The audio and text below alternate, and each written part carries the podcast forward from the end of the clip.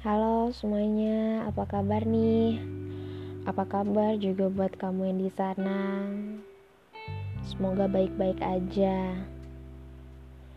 Uh, cuman mau cerita sedikit mengenai proses yang aku jalanin bahwa sebenarnya aku lagi di tahap proses merelakan merelakan hubungan aku dengan dia yang tadi aku sapa yang sebenarnya udah berakhir.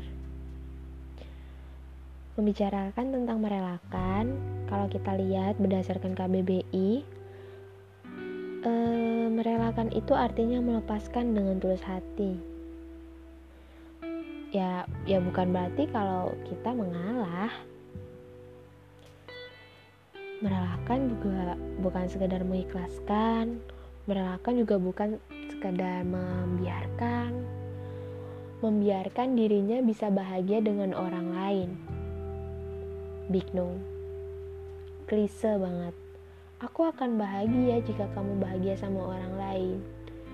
No, menurutku itu bukan artinya merelakan. Karena bukan itu maknanya.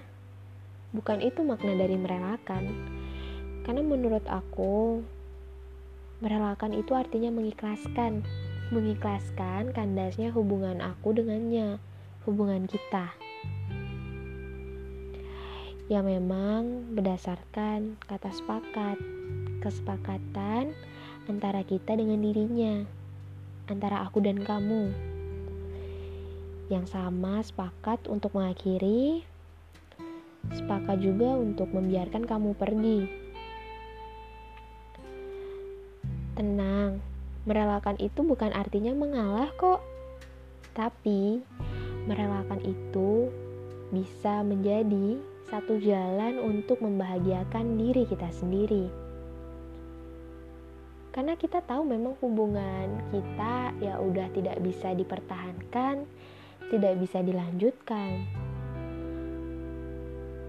ya walaupun kita tahu sih sebenarnya kita masih punya perasaan yang sama dengannya.